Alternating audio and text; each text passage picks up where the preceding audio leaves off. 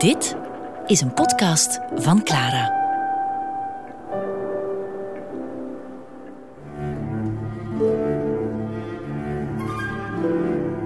Leven en lijden van Godfried Bomans. Met Padone. Een half jaar voor zijn dood, van zaterdag 10 juli tot zaterdag 17 juli 1971, gaat Godfried Bomans een week lang alleen op een eiland wonen.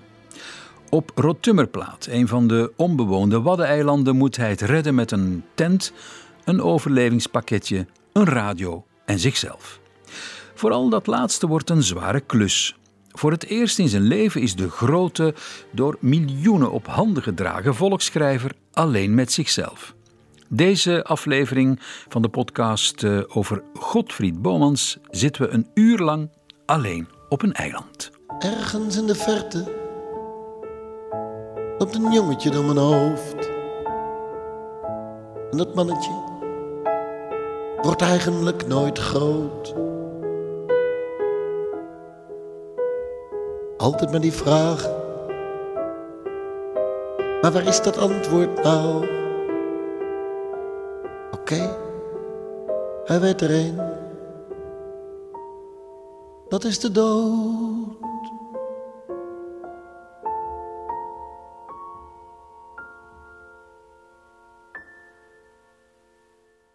Waarom laat je je gripperig en niet goed in je vel een week lang naar een onbewoond eiland verbannen? Als je Bomans heet, doe je dat omdat je geen nee kunt zeggen. De radio vraagt je en dus doe je dat maar. Niemand heeft het voor jou gedaan, iemand moet het doen en vooruit, je wordt zo graag op handen gedragen. Maar een mens is maar een mens, ook al heet hij Godfried Bomans.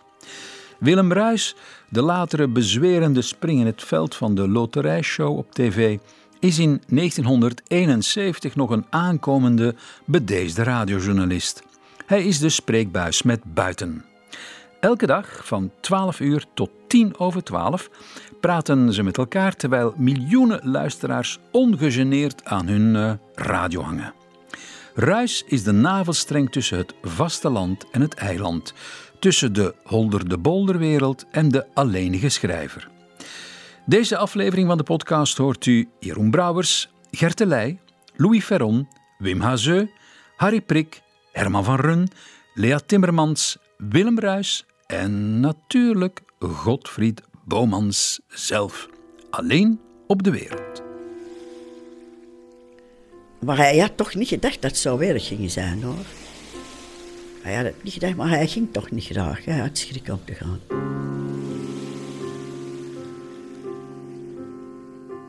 Een half uur geleden is de boot weggevaren.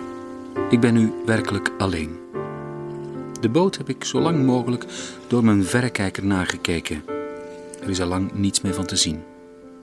Ik hoop dat mijn dochtertje Eva nu niet huilt, nog minder dat ze stil verdriet heeft. Kinderen betalen altijd het meest. Zover ik zien kan, zee, zee, zee. Daarboven een bleekblauwe lucht. Ik betrap me erop dat ik telkens naar mensenstemmen luister, maar die kunnen er niet zijn. De volstrekte onmogelijkheid daarvan is blijkbaar iets waar je aan wennen moet. Vreemd, het volle besef dat ik nu werkelijk alleen ben, wil maar niet tot me doordringen. Dit komt, denk ik, omdat zo'n situatie volstrekt nieuw is en tijd nodig heeft om armen en benen te bereiken.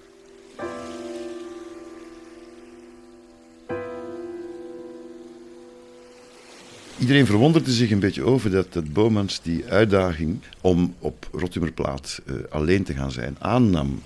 En ja, het is een van de weinige momenten waarin zich zijn ziel een beetje bloot heeft gegeven. Dat was uh, echt wel een, een, moment in, in, uh, in het mediagebeuren. Ja. Dat heeft ook praktisch heel Nederland gevolgd hè, en ook een groot stuk Vlaanderen gevolgd.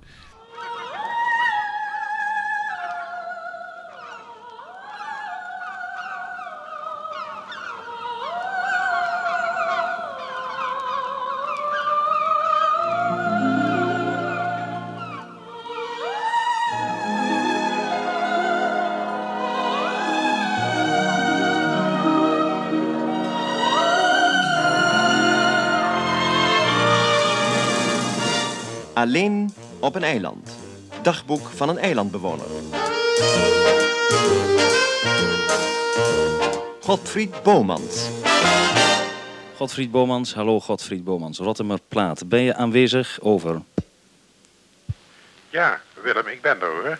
Ik, uh, ik heb gedaan wat je zei, vijf minuten tevoren aanzetten. Maar ik dacht dat je pas om zes uur zou komen, maar zo is het ook goed natuurlijk. Over. Goed, ik heb een vraag aan je, even zo ertussendoor. Wat voor indruk heeft het gemaakt toen wij vanmiddag met de boot wegvoeren? Over. Uh, nou, ik was heel rustig. En ik voelde me, dat klinkt een beetje gek, uh, een beetje plechtig. Dat is het woord. Hier vergat je over te zeggen, Godfried. Zeg, je stond boven op het duin. Is dat waar? Ik stond boven op het duin met een stok bij me voor de meeuwen. Ja, en ik heb met een kijker zo lang mogelijk jullie nagekeken. Over. Uh, zijn er klachten of andere dingen die uh, met, met betrekking tot de tent en de voorraad, stoelen en zo, is alles naar zin? Zijn er dingen die er niet zijn? Over. Uh, ik kan niets vinden wat er niet is. Ik heb drie eitjes gekookt en koffie gezet. allemaal gedaan voordat ik wegging. Zodat dat nu staat te koelen. En klaar is als ik terugkom. Zo is het wel leuk als je toch nog in die enorme verlatenheid Willem een huisje hebt. Dat is toch wel gezellig. Over. Godfried, uh, nog niet sluiten. We wensen in ieder geval wel trust hier vandaan. En tot morgen. Over. Wel bedankt Willem. Leuk dat ik een stem gehoord heb. Dag. Kwart over zes. Kort gesprek met Willem Ruis, die in de Bredenburg te Warfum mijn enige contact met de wereld is. Hij vroeg mij of mij iets mankeerde. Nee, merkwaardige vraag. Of ik op een duintop de boot had nageoogd? Ja. Waarom wil hij dat weten? De kleine conversatie ondervond ik gelukkig niet als een opluchting. Het moest gebeuren, maar was niet nodig. Na dat ene bezoek, vlak na de landing, is er niemand meer geweest. Het is een stille, innige avond, alles met een roze gloed overgoten.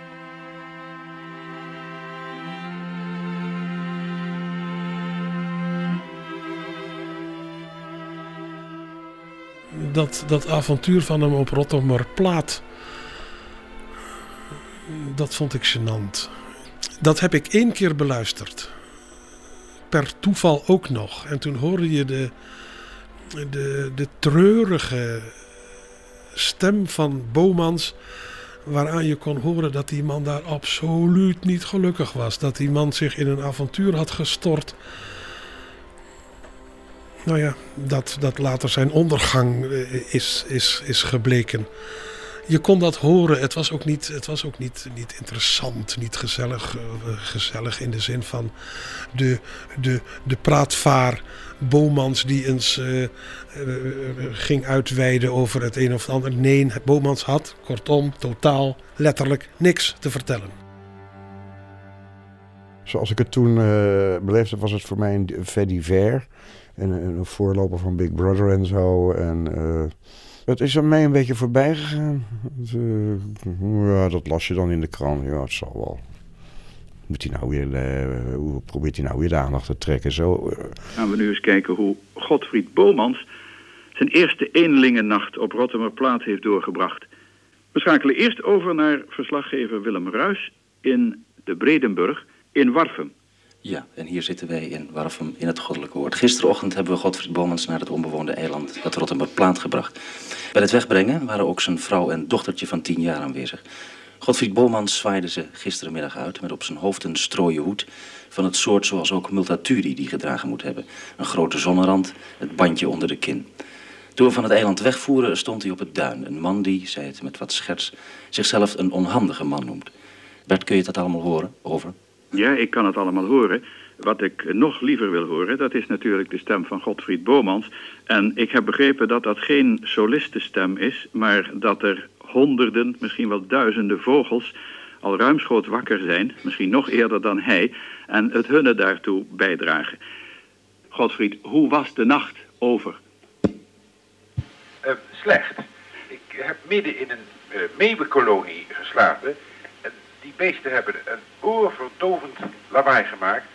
Ja, zien mij als een, als een steurzender met mijn tent midden erin. Want de, de eitjes, de drie telkens in een nest, liggen een meter van mijn tent af. Dus die, die uh, beesten zijn enorm uh, boos en, en, terecht. Over. Hij vond, uh, hij vond het verschrikkelijk, hè. Als hij daarover vertelde, hij zegt, ja, nou, ik had het niet mogen doen. Het was rot, het was rot voor mij. En die kou, en dan vooral die meeuwen die zo kruisten, hè. Oh, daar kon hij gewoon weg niet tegen. Hij, kon geen doosje sardinen open krijgen. En, en hij had koud en het was... Hij had dan vieze handen van die olie, van die sardinen of van wat. En daar kon hem ook niet tegen. En tegen het zeewater kon hem ook niet tegen. En tegen de wind ook niet. Hij, hij, hij heeft het afgrijzelijk gevonden. Ik ben de hele dag niet erg goed geweest en merk nu dat ik vanaf het ontbijt van gisterochtend in Warfum dus twee dagen lang niets gegeten heb dan drie gekookte eieren. Ik heb helemaal geen honger, maar drink alles wat ik vinden kan. Ik zei Willem Ruijs bij de afsluiting om half één vanmiddag dat ik me bepalen wou tot de controle om negen uur vanavond, omdat ik mij niet goed voelde. Hij stemde hierin toe, maar informeerde verder niet. Ik heb dus echt koorts gehad en ik heb vreselijk gezweten onder mijn deken. Maar ik weet, je weet natuurlijk niet of het van de hitte buiten is of van de koorts binnen. Want het was een enorme hitte vandaag. Bijna niet uit te houden. En, nu weet ik niet of dat die, die moordende hitte die ik vandaag uh, meen bespeurd te hebben, of die nou verbeelding is, of, jij, of dat jij die ook gehad hebt. Wil je het even zeggen? Het is hier ook erg warm geweest, Godfried. Uh, wij hebben ook die hitte gehad. Zeg, um, geen gevoel van paniek, hè, Godfried? Over. Nee, ik alleen vrees. Ik was zo vreselijk bang vanochtend. Ik heb dat natuurlijk niet laten merken bij die twee uitzendingen. Dat ik gewoon koorts zou hebben en, en, en, en, dat ik het zou moeten opgeven. Maar dat, daar ziet het helemaal niet naar uit. Ik, ik ben ontzettend blij dat ik nu voor het eerst honger heb en mijn eerste pakket ga openmaken. Ik heb het ze even bekeken. En ik ga dus nu het pakket openmaken van gisteren. Over.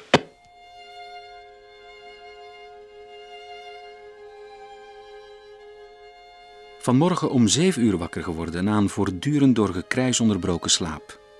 Was erg bezweet en dronk drie colaflesjes leeg.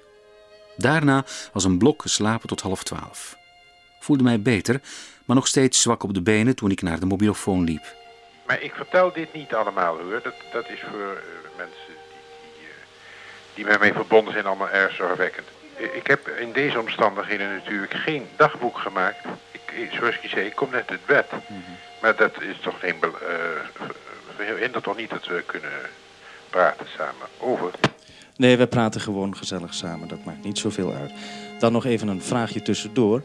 De gesprekken die op dit ogenblik gemaakt worden, dus die eigenlijk voor ons uh, drieën of vieren zijn, uh, is het uh, goed wanneer die uitgezonden worden of heb je daar bezwaar tegen over?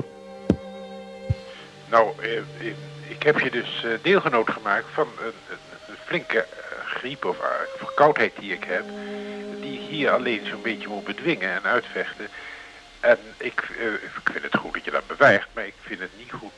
Het lijkt me niet verstandig om dat uit te zenden, omdat de BBC zal ongerust worden. En, dacht je niet over? Die mening die hadden wij ook. Daarom vroegen we het ons even af of, daar, of je het goed vond. Vanaf nu gaan we Vanaf nu gaan we uh, wachten tot het programma begint. Dus dan daarna komen we rechtstreeks in de uitzending. Is dat begrepen? Over. Is begrepen. Over.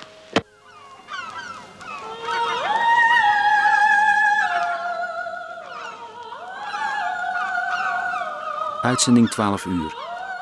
Ik ben ervan uitgegaan dat de mensen alleen interesse hebben in moeilijkheden die uit het eiland voortkomen, niet in een griep. Achteraf zie ik in dat dit standpunt verkeerd is. Wie zoiets verzwijgt, komt in irreële praat terecht, want hij spreekt om iets heen.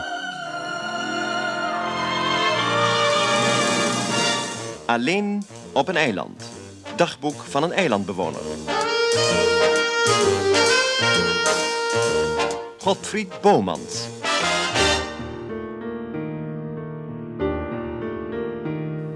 Geprobeerd wat kalfsvlees te eten.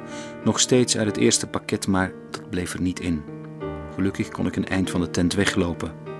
Ik voelde me opeens diep neerslachtig. Ik ben nooit ziek en dat moest nou net nu gebeuren.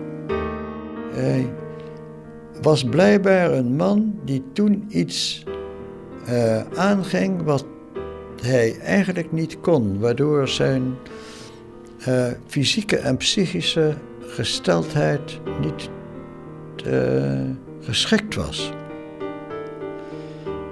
daar heeft hij dus wel een beetje geleden. En hij zorgde niet goed voor zichzelf en hij wist niet hoe dat moest. Dat kon hij ook niet. Want er moest natuurlijk wel gegeten en gedronken worden. Dat kon hij helemaal niet zo best. En hij hield niet zo echt van de natuur, van de barse natuur. Hij hield meer van uh, fijn bij de kachel zitten. Handen wrijvend. En buiten moet het koud zijn. Buiten. Maar niet in een tent. Hij was altijd goed ingeduffeld en goed gewarmd. En, en uh, ja, comfortabel. En daar had hij dus in de wilde natuur moeten leven. En het ging niet, hij kon het niet. Hij is eraan gestorven.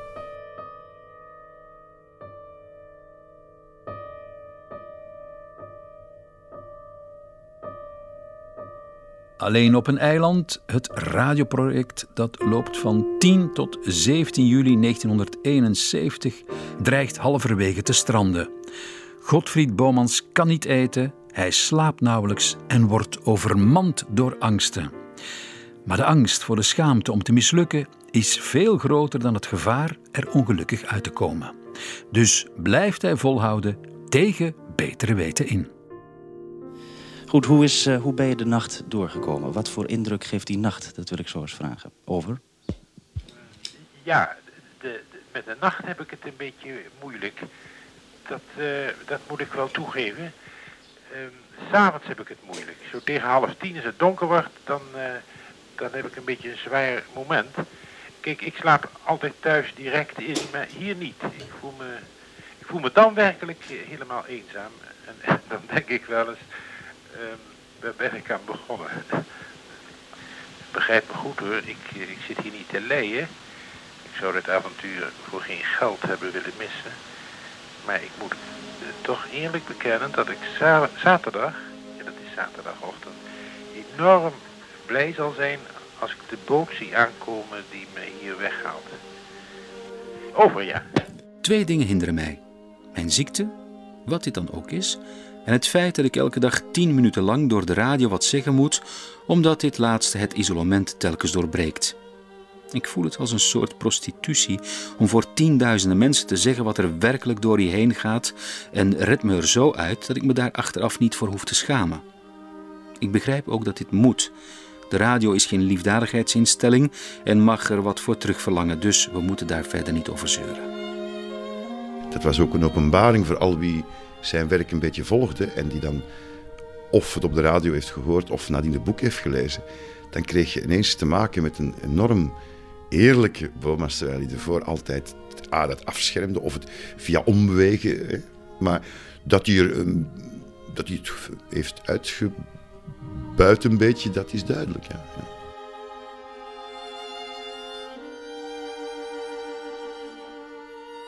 Godfried, ben je daar? Over. Ik ben hier. Ik wou even praten over de uitzending van morgen. Kan dat? Over. Alles kan, ja. Over. Jouw eerste voorstel was de verveling. Daar wil ik graag op ingaan. Maar dat doe ik op de vrolijke toer, zoals jij dat noemt. En dan zeg ik over. En dan wou ik vragen aan jou dat je vraagt, dat je dat even opschrijft. Kun je een punt noemen waarin dit leven verschilt van het gewone? Over. Dat is begrepen, ik schrijf het even op. Over. Um, dan praat ik weer een tijdje en dan zeg ik over. En dan zeg jij, verlang je naar dat ogenblik? Over. Ja, één ogenblik. Ik ben even aan het schrijven dus. Kun je een punt noemen waarin dit leven verschilt van het gewone leven? Dat schrijf ik nu op. Is dat correct? Over. Even kijken.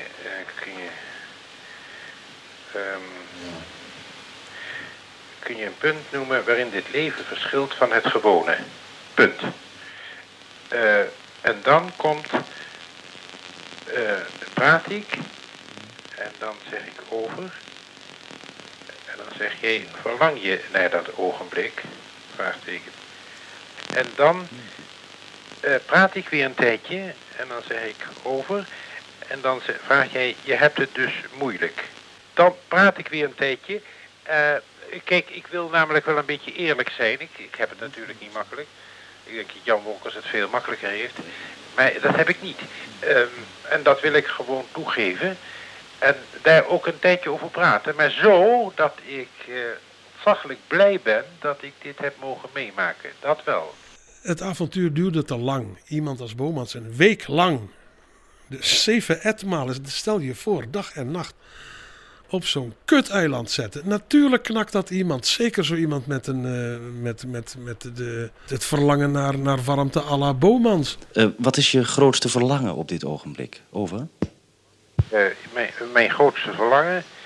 Ach, dat weet ik eigenlijk niet. Ik heb, ik heb niet een, een speciaal verlangen hoor. Nee, dat heb ik. Over. Ehm, Godfried, ik heb soms het, eh, het gevoel dat we nog niet helemaal eerlijk zijn. Hè? Dat we toch nog een, eh, een beetje de schijn ophouden. Ik heb sterk de indruk dat we als we gewoon met z'n tweetjes zitten te praten, met die calls, dat je je naar voelt. Hè? Voel je echt rot? Voel je je naar? Over? Eh, nou, kijk, je bent op te beginnen alleen en dat betekent je bent met jezelf. Maar dat is gezelschap. Voor iemand die zich splitsen kan, is dat ook een metgezel. Je moet natuurlijk een zekere geoefendheid hebben om iets te doen en tegelijk die handeling als buitenstaander te bekijken. En wie dat nooit gedaan heeft, die moet zich niet op een onbewoonde zandplaat laten afzetten, want dan springt g- gillend in zee. Kijk, die splitsing in een man die iets doet en de man die waarneemt, die hoeft in het gewone leven niet lang volgehouden te worden. Maar hier duurt dat zeven dagen en dat is, dat is echt lang. En een extrovert mens, dat is iemand die zelden naar binnen kijkt, houdt dat geloof ik niet vol.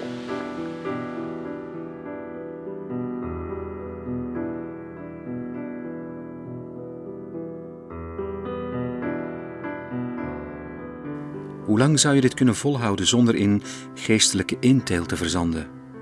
Ik denk dat voor een sterk iemand die met veel inhoud hieraan begint, een half jaar het uiterste is. Daarna is de batterij uitgeput. Misschien brengt een heilige het verder. Hij heeft nog andere toevoerkanalen.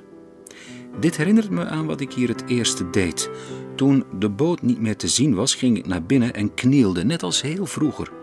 Ik weet niet of God bestaat, maar ik deed het toch. Ik weet eigenlijk niet goed wat eerlijkheid is. De voorbeelden die ik ervan gezien heb, vind ik nogal saai. Ik ben een speels iemand. Het is leuk en ik kan het ook niet laten om het leven uit te proberen in verschillende varianten, net als in het schaakspel, en niet met één opening te volstaan. Er is zelden iets wat ik zeg of denk of het tegenovergestelde gaat ook door mijn gedachten. Vroeger schaamde ik mij daar wel voor. Ik probeerde dan wel te doen als de ernstige, maar kwam dan altijd in een kramptoestand. Toen kwam er een periode van berusting in het onvermijdelijke. Maar het laatste jaar denk ik, ik ben zo en daar maak ik iets van. Ik voel me daarin veel gelukkiger. Er lukt me ook meer.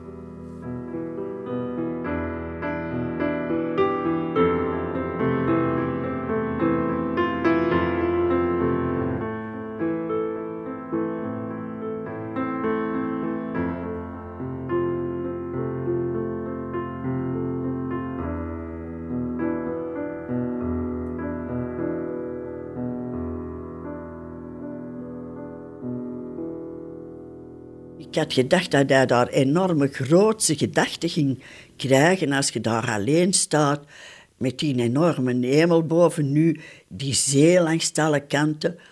Oh, je kunt daar van alles van maken, hè? echt grootste ideeën van krijgen. En hij bleef dan ineens met zo'n kleinigheden bezig. Hè? En dat die telefoon niet ging en, uh, of dat er, dat er iets misging en, uh, en dat hij zich niet kon warm krijgen. In plaats van dan wat te lopen of zo. Nee, nee, nee. Het ging hem helemaal niet. En ik denk dat hij moeite gehad heeft om die week of die drie weken, wanneer, hoe, lang dat het ook was, uit te krijgen. Hè. Ik uh, uh, verlang wel om weg te komen. Dat is, het, is, het is in zoverre een arm leven dat je alles voor jezelf houdt. Je deelt niks mee. En, en, en ik geloof dat de aardigheid van het leven bestaat in ontvangen wat een ander heeft en in geven wat je zelf hebt.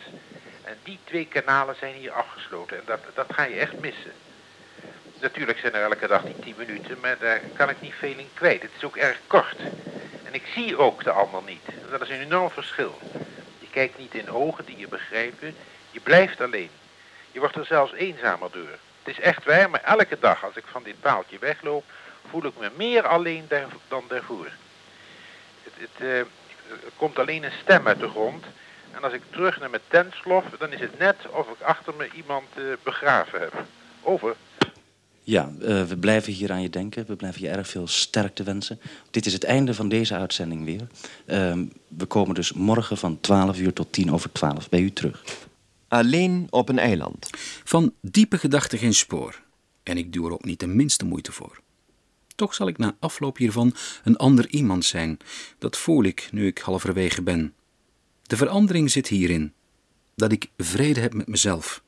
Ik heb veel aan vroeger gedacht, vooral aan mijn jeugd, en veel gebeurtenissen die ik dacht vergeten te zijn, kwamen langzamerhand boven, zoals hier het gras boven het water als het eb is. Ik zie nu beter dan eerst en nu eigenlijk pas goed dat ik ben wie ik ben en dat het zo heeft moeten zijn. Ik heb geen vrevel, geen spijt en geen wrok meer tegen het verleden. Zo is het allemaal gelopen en ik genees van mijn wonden.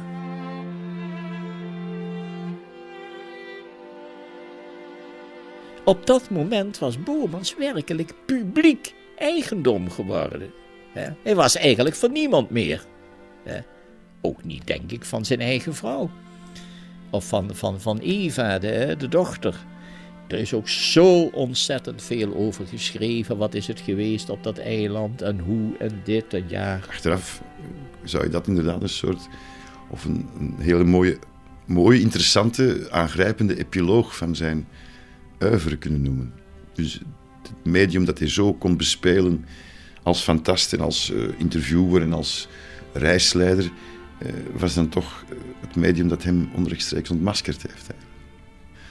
Daarbuiten was hij altijd de grote Bomans. En daar was hij eigenlijk iets meer dan niks. En dat, dat zal hem zeker ook beangstigd hebben, daar ben ik van overtuigd. Maar... Ik ben als de dood voor exhibitionisme van mijn diepere gevoelens. Vooral als ik denk aan de omstandigheden waarin geluisterd wordt. Aan de andere kant denk ik, waarom eigenlijk niet? Je praat telkens toch maar tegen één mens, want de radio is geen massamedium. Het is een horen in één oor en juist niet in een menigte. We moesten dat maar eens doen. Niemand hoeft bedremmeld te zijn voor wat hij echt meent. Het is bij Tine. Het licht van de batterij wordt zwak. Laten we proberen te slapen.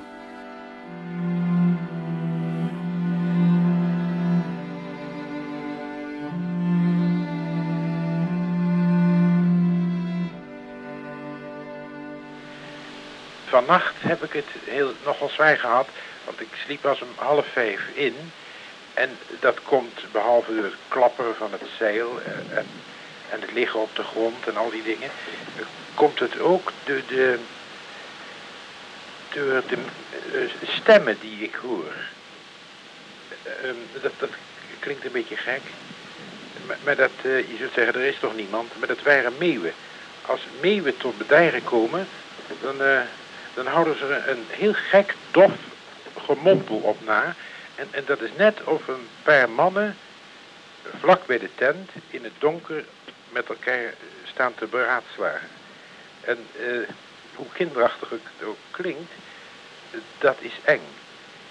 Je, weet telkens dat het meeuwen zijn en telkens schrik je toch weer.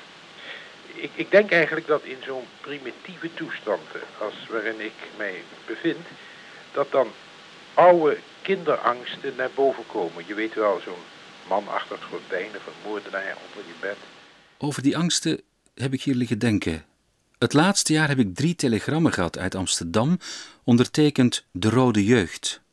De tekst luidde telkens: We hebben besloten u te doden, stop, die gelegenheid komt. Ik heb me daar nooit wat van aangetrokken, maar toen dat eiland naderde, ging het door me heen: Dit is een unieke gelegenheid. Het is kinderachtig om dat te denken, tenminste overdag, maar s'nachts kan ik die gedachten niet altijd van me afzetten. Nu ik dit heb opgeschreven, zal het vannacht misschien iets beter gaan.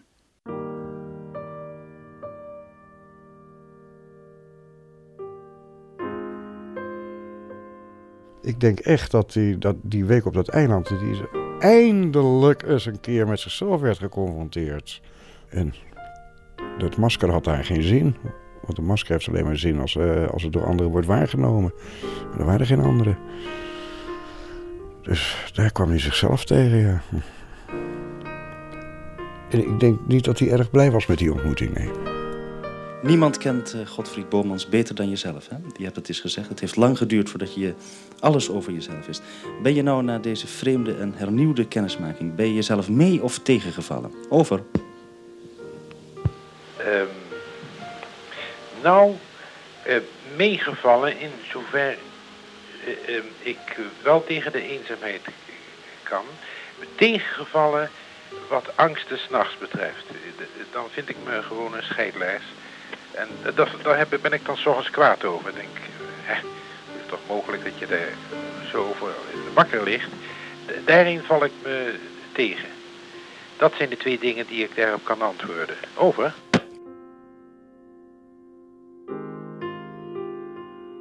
Bomans graaft in zich, uh, zichzelf, is bang voor de dood, uh, bang voor de straf na de dood en kan uh, in eenzaamheid zonder applaus zonder gevlei niet leven. Ik merkte aan de stem van Willem dat hij iets van mijn minder goede toestand voelt. Het is merkwaardig wat een verlichting dat geeft. Ik kan hem niet alles zeggen en dit om twee redenen. Eén, uit schaamte en twee, uit vrees dat ze me komen halen. Die schaamte komt hieruit voort dat ik niet zeker weet of aan mijn toestand griep of verkoudheid een grondslag ligt, of dat die veroorzaakt wordt door het feit dat ik van iedereen verlaten ben. Ik denk wel het eerste, en alle symptomen wijzen ook op een flinke griep, maar de tweede mogelijkheid blijft denkbaar. In dat geval blijk ik op mijn dode eentje niet veel waard te zijn, en dit is een vernederende gedachte die ik toch onder ogen moet zien. Moeder zei hiervoor: slappe tinus, het enige wat ik wel zeker weet is dat ik dit tot het laatste einde wil volhouden en dat ze me hier van dit eiland moeten afdragen, wil ik hier eerder weggaan. Hij wist dat hij het moest kunnen en hij, wist ook dat hij het niet zou kunnen. En toch wilde hij zichzelf bewijzen dat hij het wel kon. Hij wilde dat doormaken, hij wilde meedoen. Hij, wilde zijn rol spelen, hè, zijn grote rol. Hè. En het is, het is hem niet goed bekomen. Als hij nou een echte romanschrijver was geweest, zou hij dit als romanthema hebben kunnen gebruiken. Iemand die eindelijk het gevecht met zichzelf aangaat. Niet eens vrijwillig, maar gedwongen, omdat hij nou eenmaal op dat eilandje zit. En dan tot de conclusie moet komen dat dat het eigenlijk een verdomd zwaar gevecht is geweest. Dat hij dat altijd uit de weg is gegaan. Dat, dat, dat moet je op dat eiland gezien hebben. Van, ik word nu geconfronteerd met, met, met alles wat van wezenlijk belang is in mijn leven. En wat heb ik ermee gedaan? Als schrijver, als schrijver heb ik er niks mee gedaan. En in dit geval kon hij zich er ook weer niet met een grapje van afmaken, want er was niemand om naar zijn grapjes te luisteren. Dat het zal het moment van zijn ultieme waarheidsbeleving zijn geweest. En dat was tevens een doods, uh, doodsbeleving. Ongetwijfeld heeft die week op Rottumerplaat hem, uh, hem geknakt. Het heeft hem gemangeld, het heeft hem kapot gemaakt. Men had dat Bomans niet moeten aandoen. De mensen die hem dat hebben aangedaan, die uh, hebben zijn, zijn, zijn dood verhaast. Want Rotterdam Plaats speelde zich af in augustus, als ik mij niet vergis. En in december was hij dood. Ik vind dat ik er niet veel van heb terechtgebracht. En dit te weten is voor mij de waarde van dit avontuur. Niet door wat lukt leer je begrenzingen kennen. Ik had op nooit vermoede extases gehoopt en kreeg voornamelijk verdriet. Ik voel me als die marathonloper die in het stadion nog één ronde moest lopen en daar niet op gerekend had. De man zakte toen in elkaar. Ik zie een streepje wit, vlak onder de horizon. Het is de boot. Einde en over.